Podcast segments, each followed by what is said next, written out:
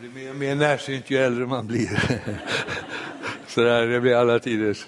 Ja, alltså vilket förtroende. Tänk att få predika om pingsten i pingstkyrkan på pingstdagen. Här står jag nu. Och vi ska läsa från det andra kapitlet i Apostlagärningarna.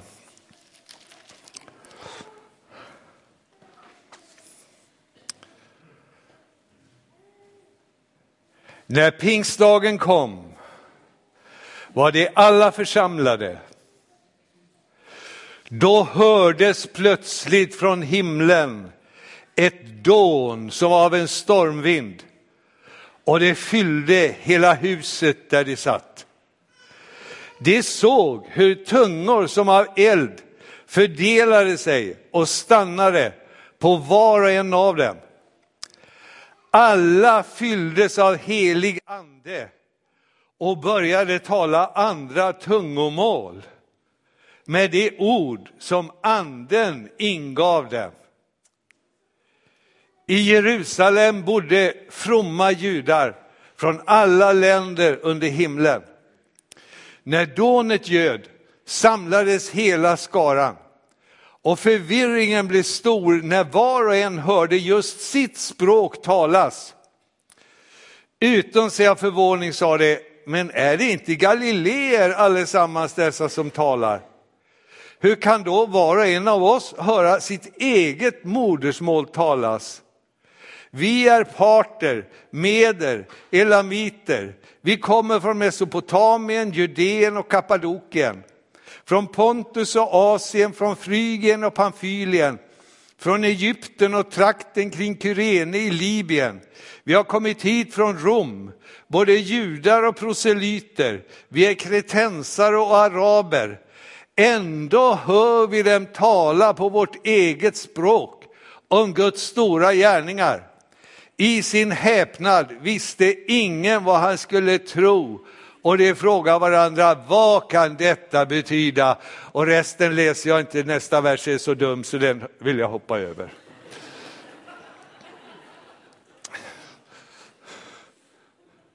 Ja, ja, jag måste ta det för ni undrar vad står det där egentligen? Ja, det står ju så här.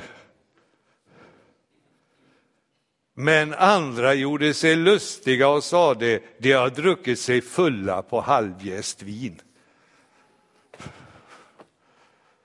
Det var dumt att jag läste det. Alltså det, det är klart att det här som hände fick en kolossal betydelse för de första kristna. Jag sa när jag var församlingspastor i Vårgårda en pingstdag, Tror ni att det hade gått lika bra för dem om anden inte hade kommit? Jag har aldrig sett församlingen se så tvivlande ut någon gång. Nej, det är klart att det fick en väldig betydelse. Men vilken betydelse fick det? Det ska vi tala om en liten stund nu. Eller rättare sagt, jag ska tala om det en liten stund nu. Och, eh, det är ju så här, det är inte så där jättelätt att få grepp om det här med anden och vad anden gör.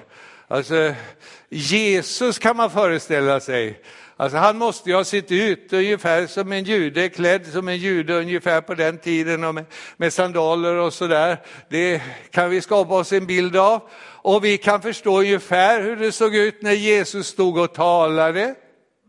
När Jesus satt sig i en båt, det är inte svårt att förstå. När Jesus delade ut nattvarden, det kan man också föreställa sig. Eller när han la sin hand på någon sjuk och sådär, sådana där bilder kan vi skapa oss. Men anden, hur ska man föreställa sig anden? Och det anden gör. Ja, för att förklara och vägleda och hjälpa oss här så har Bibeln en rad olika bilder som hjälper oss att förstå. Och vi har redan hört en bild här som Jesus använde. Det här, jag tror att det var en älsklingsbild, han återkom åtminstone till ett par gånger i sin undervisning. Han talade om anden som ett källflöde i människans inre. Något som bryter fram i de djupaste skikten i människan för att påverka livet inifrån. Det kan bäst liknas vid en källa menade Jesus, alltså en förbindelse med grundvattnet. Grundvattnet som är Gud själv bryter fram i människans inre och möter en djup törst som människan har. För det finns en törst och längtan efter det, efter det gränslösa, efter det gudomliga, efter det eviga inom varje människa. Och här bryter den helige ande fram och möter detta behov på ett personligt sätt. Så undervisade Jesus. Och här i den här texten som jag har läst finns det ju två bilder. Bland annat bilden av vinden som blåste fram.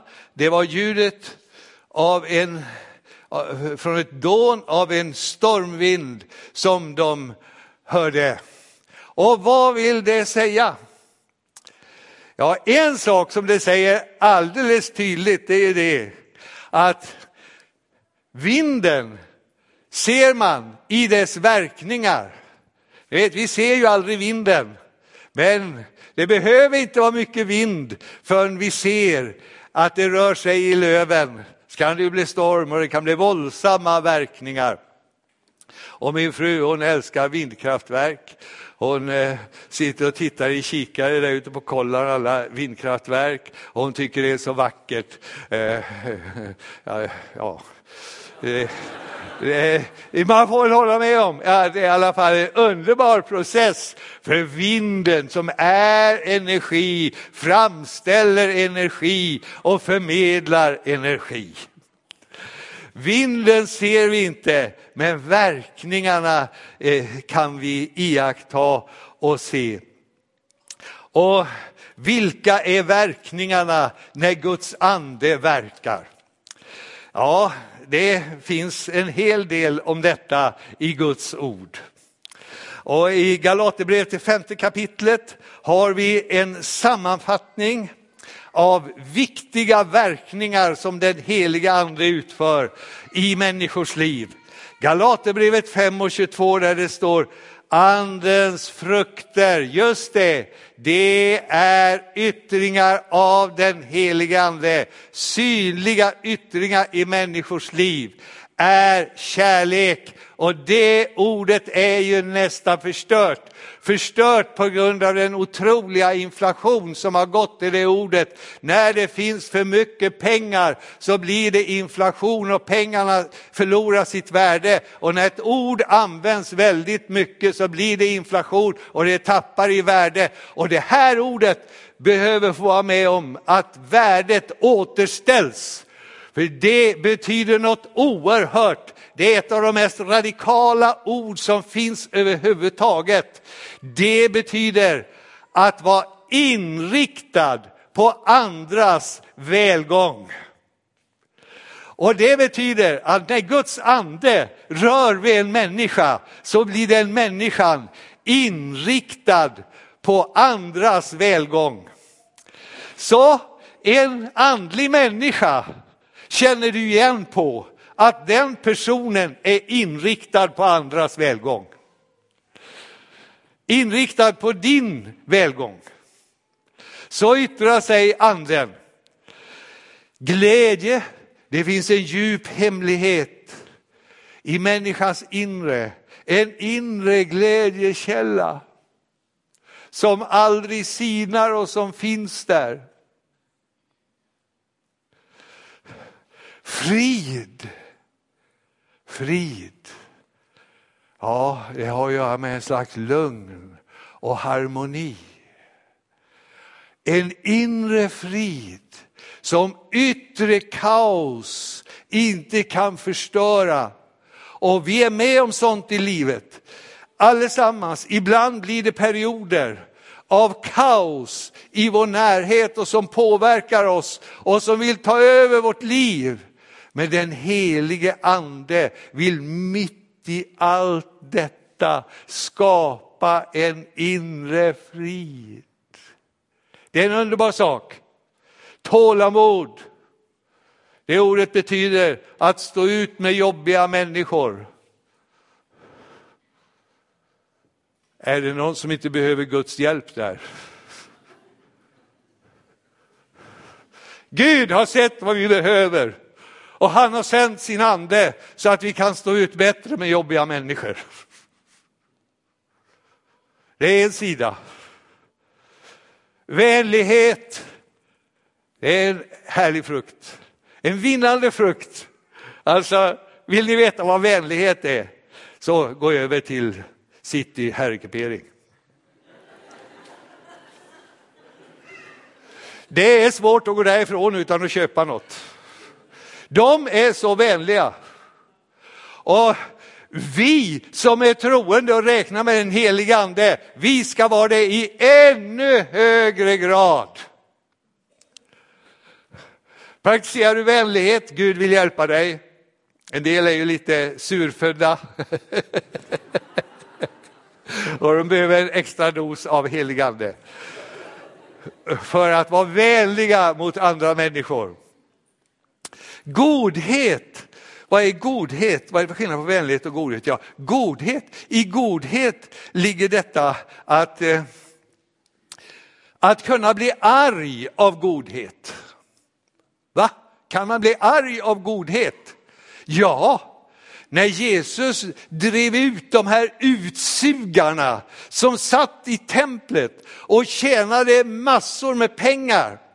Deras plånböcker blev tjockare och tjockare och de fattigas blev tunnare och tunnare och det var sånt som människor var tvungna att köpa och där satt de och exploaterade verksamheten i templet i egen vinning och Jesus blev rasande på detta och han drev dem ut där. Och du vet, ibland är det så att vi upptäcker, du och jag, orättvisor. Människor mobbas på jobbet, blir felbehandlade eh, på jobbet. Eller eh, ungdomar mobbas i skolan. Och vi blir upprörda. Vet du vad detta är för något? Det är en liten avbild av den vrede Gud känner inför orättfärdighet i vår värld. Och då är det inte fel att reagera och reagera på ett sådant sätt så att, eh, så att det blir en god effekt av det hela. Så det handlar om att kunna bli arg av godhet. Nu finns det vissa människor som har lite lätt för att bli arga och upprörda och de behöver den här andens frukt. De behöver en tändningsjustering så de blir arga på rätt saker. Inte på småsaker, inte på dumheter, inte när de blir lite förnärmade, utan arg på rätt sak. Tändningsjustering, helgelse kallas det. Trofasthet är en andens frukt. Det betyder att vara genomärlig. En kristen ska vara känd för detta. Det ska vara ärlighet. Ett handslag gäller. Ett löfte gäller.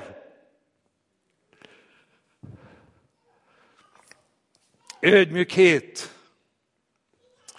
Det står i Filipperbrevet, det andra kapitlet så här. Eh, Filipperbrevet 2. Var ödmjuka och sätt andra högre än er själva. Eh, det finns eh, vissa människor som får andra att växa. Det finns en del som får andra i sin omgivning att krympa.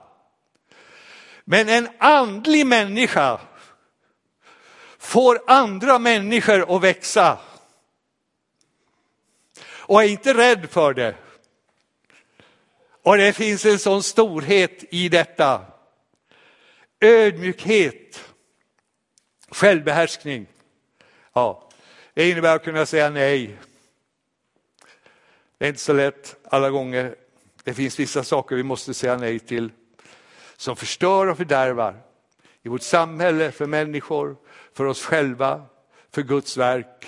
Vi måste säga nej, Gud vill hjälpa oss att kunna säga nej ibland. Det är inte det som nämns först, att vi ska säga nej som kristna. Först är kärlek, men det finns med också detta att säga nej och att säga nej på rätt ställe. Och till det här med självbehärskning hör också att inte predika för länge. Och Det måste jag tänka på nu, så jag inte fastnar för länge här nu, för jag har mycket, jag säger som Jesus, jag har mycket mer att säga er.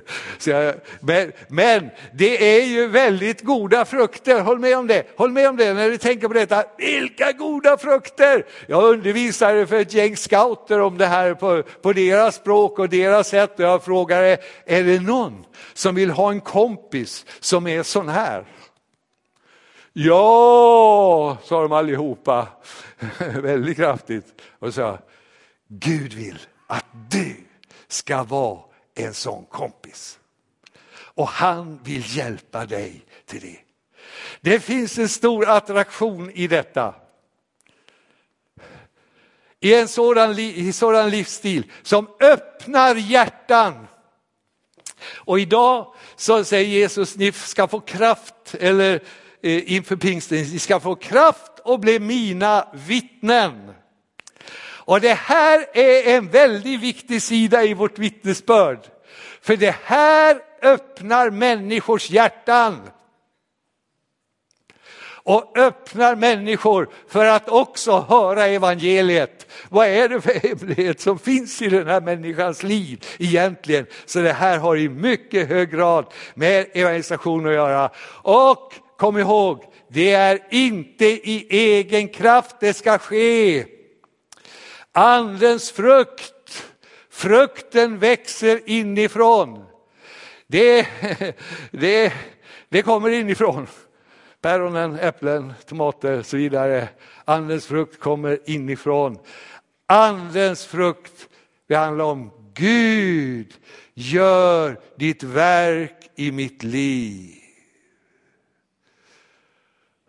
Låt mig få utvecklas, få bära god frukt.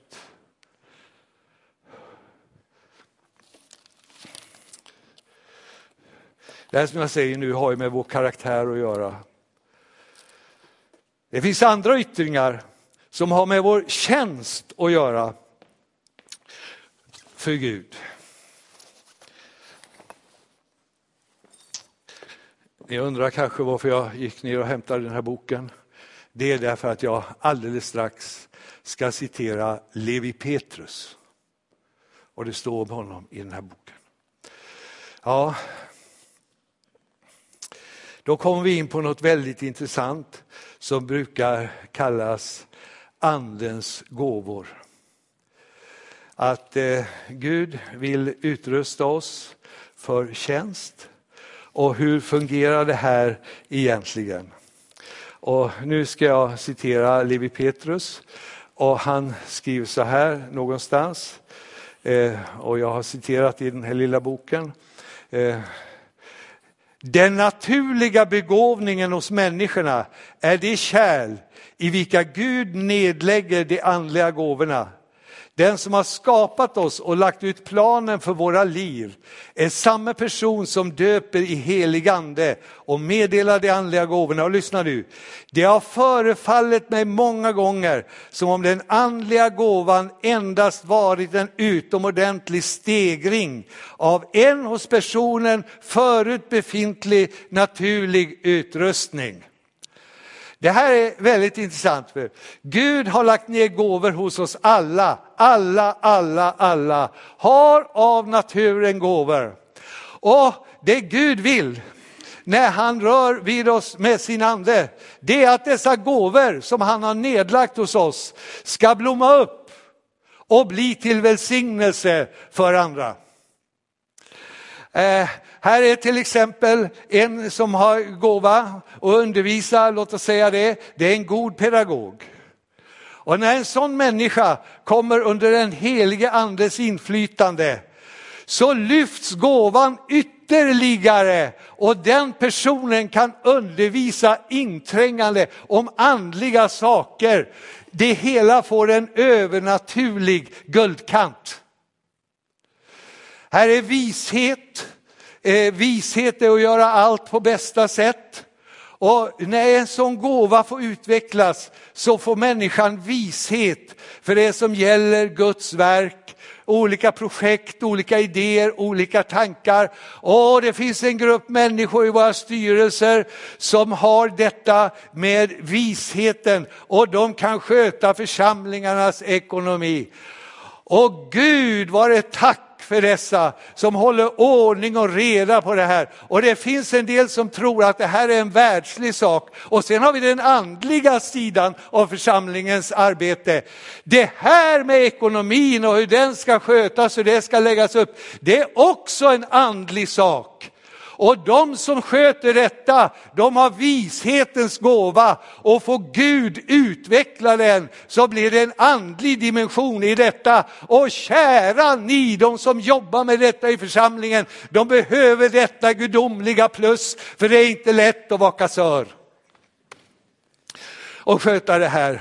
Så, och det här är viktigt och vishetens gåva är den som nämns först.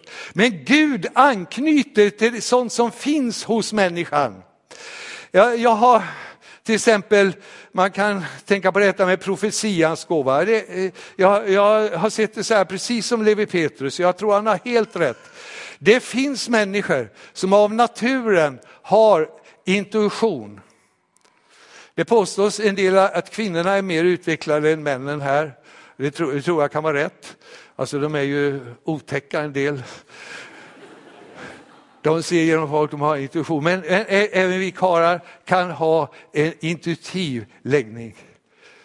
När den helige ande fyller en sån människa och detta får utvecklas så kan en sån människa få tala utöver mänsklig förmåga och förmedla tröst och vägledning och uppmuntran. Det blir en profetisk dimension i det hela. Och eh, Hur är det med helandets gåva? Eh, gåvan att, eh, eh, att bedja, att bota som det talas om. Hur är den? Jag har lagt märke till en sak. Att det här tycks fungera bäst. I människors liv där det finns en stor kärlek till människor som far illa. Det finns en stor kärlek till de sjuka. Man känner det riktigt i sin egen kropp. Och man har också ett intresse och en läggning för bön. Dessa människor kan ibland i benådade ögonblick få vara med att genom bönen få förmedla att en hälsoprocess kommer igång. Och att saker och ting händer. Och jag tänker på en person. Och det här har undersökts noggrant i en doktorsavhandling och bekräftats. Jag tänker på pingstpastorn Georg Gustafsson som älskade de sjuka och utsatta och som var där hos dem och som hade en gåva på det här området. Gud hade gett honom ett gudomligt plus i hans tjänst. Vi kunde gå igenom de andra gåvorna här. Jag ska inte göra det, men jag ska säga någonting om, om tungomålstalet. Det står olika sätt att tala i tungomål. Och hur är det olika sätt? Ja, det kan ju vara så, som på pingstdagen att man talar ett främmande identifierbart språk. Det här var en stor händelse. Ni vet, det är något oerhört det som händer på pingstdagen. Att de stod där och talade all världens språk som människor kände igen. Detta var väl oerhört märkligt. Vet ni en sak som är ännu märkligare? Att precis så har det blivit. Så på denna pingstdag idag, där vi står här och har svenska ibland oss, så talas om Guds underbara gärningar över hela vår värld på alla världens språk. Det här var en profetisk händelse. Oerhört dråplig och oerhört talande. Nu börjar någonting nytt och tänk Då var de en liten skara. Tänk, det blev, det blev så. Det blev så. Att tala i tungor, att tala ett främmande identifierbart språk, det är inte så eh, väldigt eh, vanligt. Här hände det, här var det till nytta, här var det av betydelse. Och det, eh, jag har hört exempel på hur det här upprepas.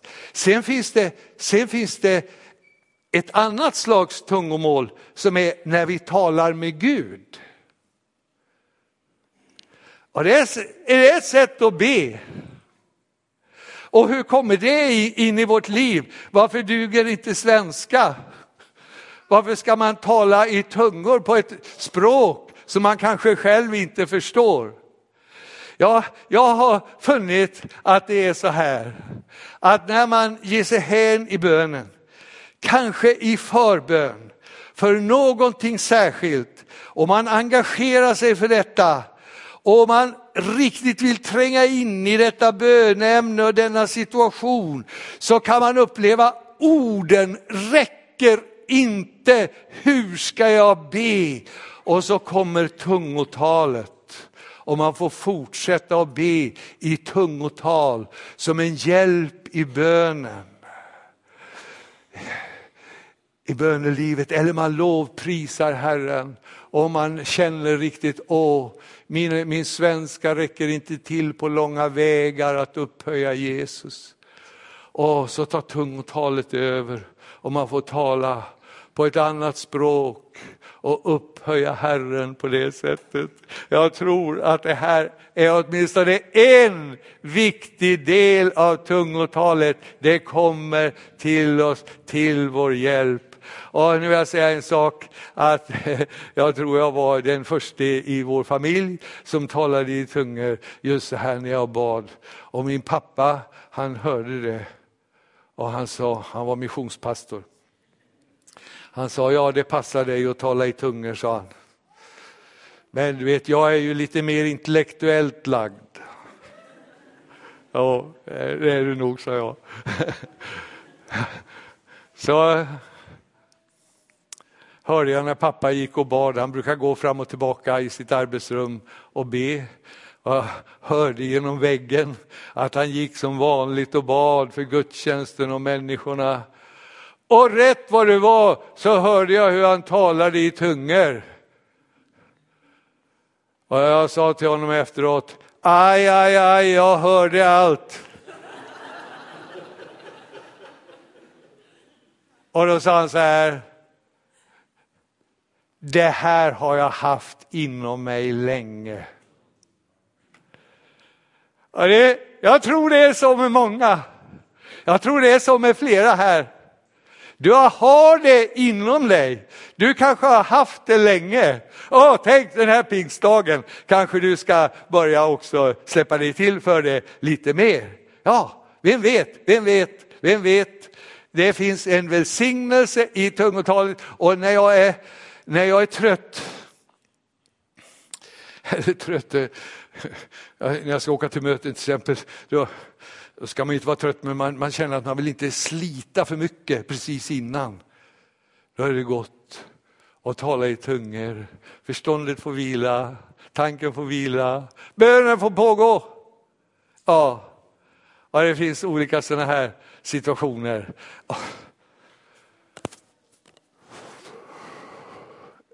Får jag bara ta en kort sak till som förklarar, förklarar det här när vi är inne på det här. Eh, Eh, alltså det står så här, det talade vad anden ingav dem att tala. Eh, och det ordet ingav kan översättas sufflerade. Jag tror det står så i en bibel också. Det är anden sufflerar dem. Vet ni vad en sufflör är? Det är en som står under golvet på en teaterscen. Det är bara huvudet som sticker upp. Det ser man inte nere i salongen för det är skärmar så framför. Det står, kan stå en hel rad sufflörer och de läser upp hela teaterstycket, hela pjäsen. Därför att ni vet om folk har betalat 500 kronor för att gå på, på teater kanske och så är skådespelaren Oj, vad var det jag skulle säga nu? Förlåt, jag måste gå ut och titta på manus. Det går inte, det förstör hela dramatiken. Då är det så här, då tar han ett teatersteg fram och så viskar sufflören och så talar skådespelaren ut, desufflören viskar. Så fungerar tungotalet, det är min erfarenhet. När vi är i bön så kan det hända att sufflören i vårt inre börjar viska ett bönespråk. Och så får vi tala ut detta. Det talade ut, det talade vad anden ingav dem att tala. Oh, oh. Jag hoppas att jag kan ge kramplösande droppar här om det är någon som eh, har, har kramp inför de här sakerna. Nu får, känner jag att jag får öka tempot här, jag får tala lite fortare. Eh, jag ska säga några saker. Det här är en sak som är väldigt viktig eh, att ha med när vi talar om anden och andens vind. Och det är var alldeles säkert så att de första kristna tänkte just på det här när de gick igenom, vad var det? Jo, det var en mäktig vind. Hur tolkar ni detta kamrater? Då är jag övertygad om att de sa ungefär så här. Ja, men det var ju precis vad som hände i skapelsen. Just det, de var judar, de kunde Bibeln, de läste gamla testamentet. Det första som står i Bibeln om anden, det är det att en Guds vind svepte fram. Och I gamla Bibeln står det att det var Guds ande som ruvade. Vilken översättning är bäst? Båda är bäst, för vind och ande är samma ord. Vind och ande är samma ord, så det är rätt. Och de tänkte på skapelsen. En Guds vind svepte fram. Det här säger några viktiga saker, kära vänner. Att den kraft som verkar på pingstdagen var samma kraft som verkar i skapelsen. Nu skapar Gud något på nytt. Det säger oss att det här är inget onaturligt. Det är inget överspänt. Det är inget konstigt. Det är själva urkraften i tillvaron. Det var den som var verksam genom Jesus. Herrens ande är över mig. Den var verksam i Jesus när han uppstod från de döda. Det skriver Paulus tydligt. Den kraft som verkar i er, det är den som verkar i Jesu uppståndelse. Och mina vänner, Bibelns stora budskap om framtiden är, det ska komma nya himlar och en ny jord. Det ska komma en ny skapelse, också skapad av den helige ande.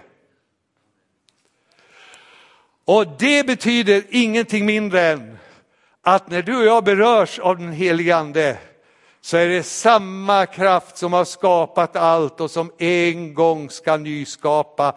Det betyder att vi är indragna i Guds plan, Guds fantastiska plan för framtiden. En värld av rättfärdighet, en värld av rättvisa, en värld av fred, en tid då skapelsen blommar i överflöd och Guds skönhet blir synlig på ett ännu tydligare sätt. Och då Guds uppenbarelsen är ostörd. Och mina vänner, vi som lever idag, för vi är inte där än, vi representerar detta rike nu. Det är innebörden. Så här med pingsten är någonting oerhört. Åh, oh, ja, jag måste säga lite om elden också, bara lite kort. Eh, eh, eld, eldslågorna, när vi, när vi tänker på ljus, när vi tänker på eld så tänker vi på ljus och vi tänker på värme. Tänker på hur den sprider sig och det, det är rätt. Det är klart det handlar om det. Men när det talas om eld i Bibeln används bilden oftast som symbol för förbränning. Och det här visar en sida av andens verk som vi ibland går förbi, men som är, är oerhört viktig. Att öppna sig för Guds ande är att öppna sig för elden som renar och förbränner. Det betyder att det handlar om att släppa sig till för ett Guds reningsverk i ens liv.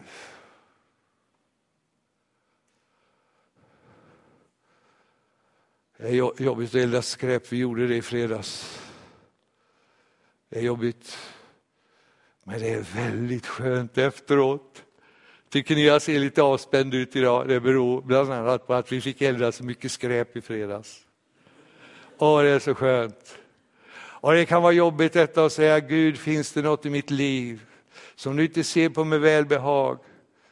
Herre, utsätt det för elden, låt elden bränna bort. Det kan kosta på lite grann, vi bävar inför det, men det är så skönt efteråt.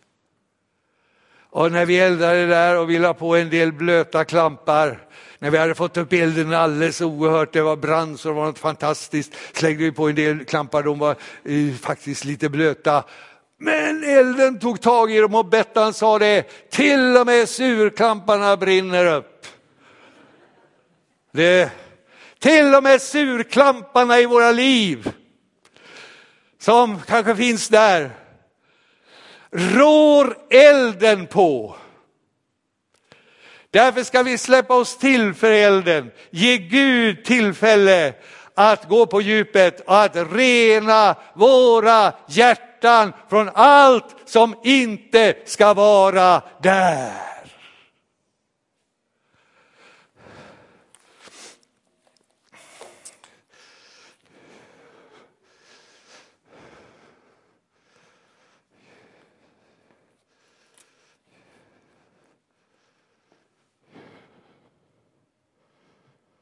Gode Gud, hjälp mig att avsluta predikan bra.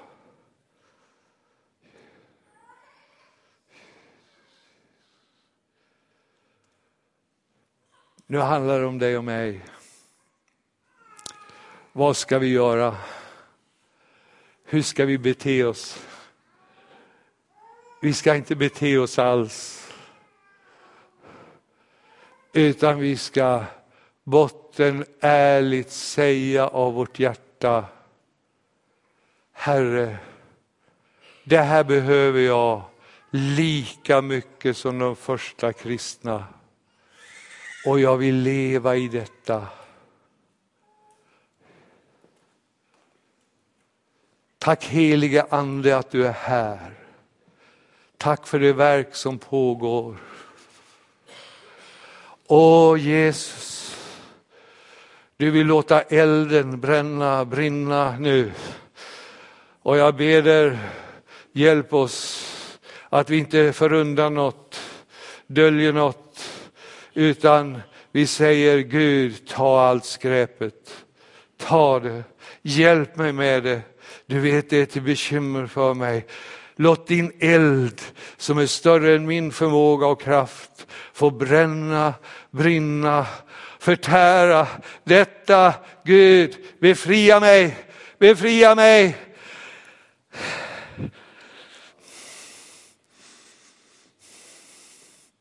Och du som känner, jag behöver prata med någon medmänniska också, som jag har förnärmat, som jag har handlat felaktigt emot, som jag har på något vis syndat mot. Gud ska ge dig kraft att göra det och gör det så fort som möjligt. Låt det bli uppgörelse. Och så säger vi, Herre vi vill stå till ditt förfogande för att du ska använda oss. Vi längtar efter det Herre. Vi vill vara med i ditt verk och vi vill tjäna dig så fullödigt som möjligt.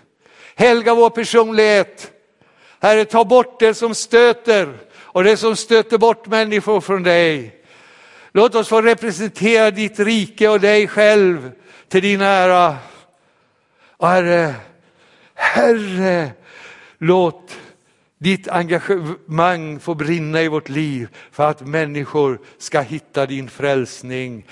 Åh Jesus, tack att du verkar ibland oss och du har för avsikt att fortsätta göra det. I Jesu namn. Amen.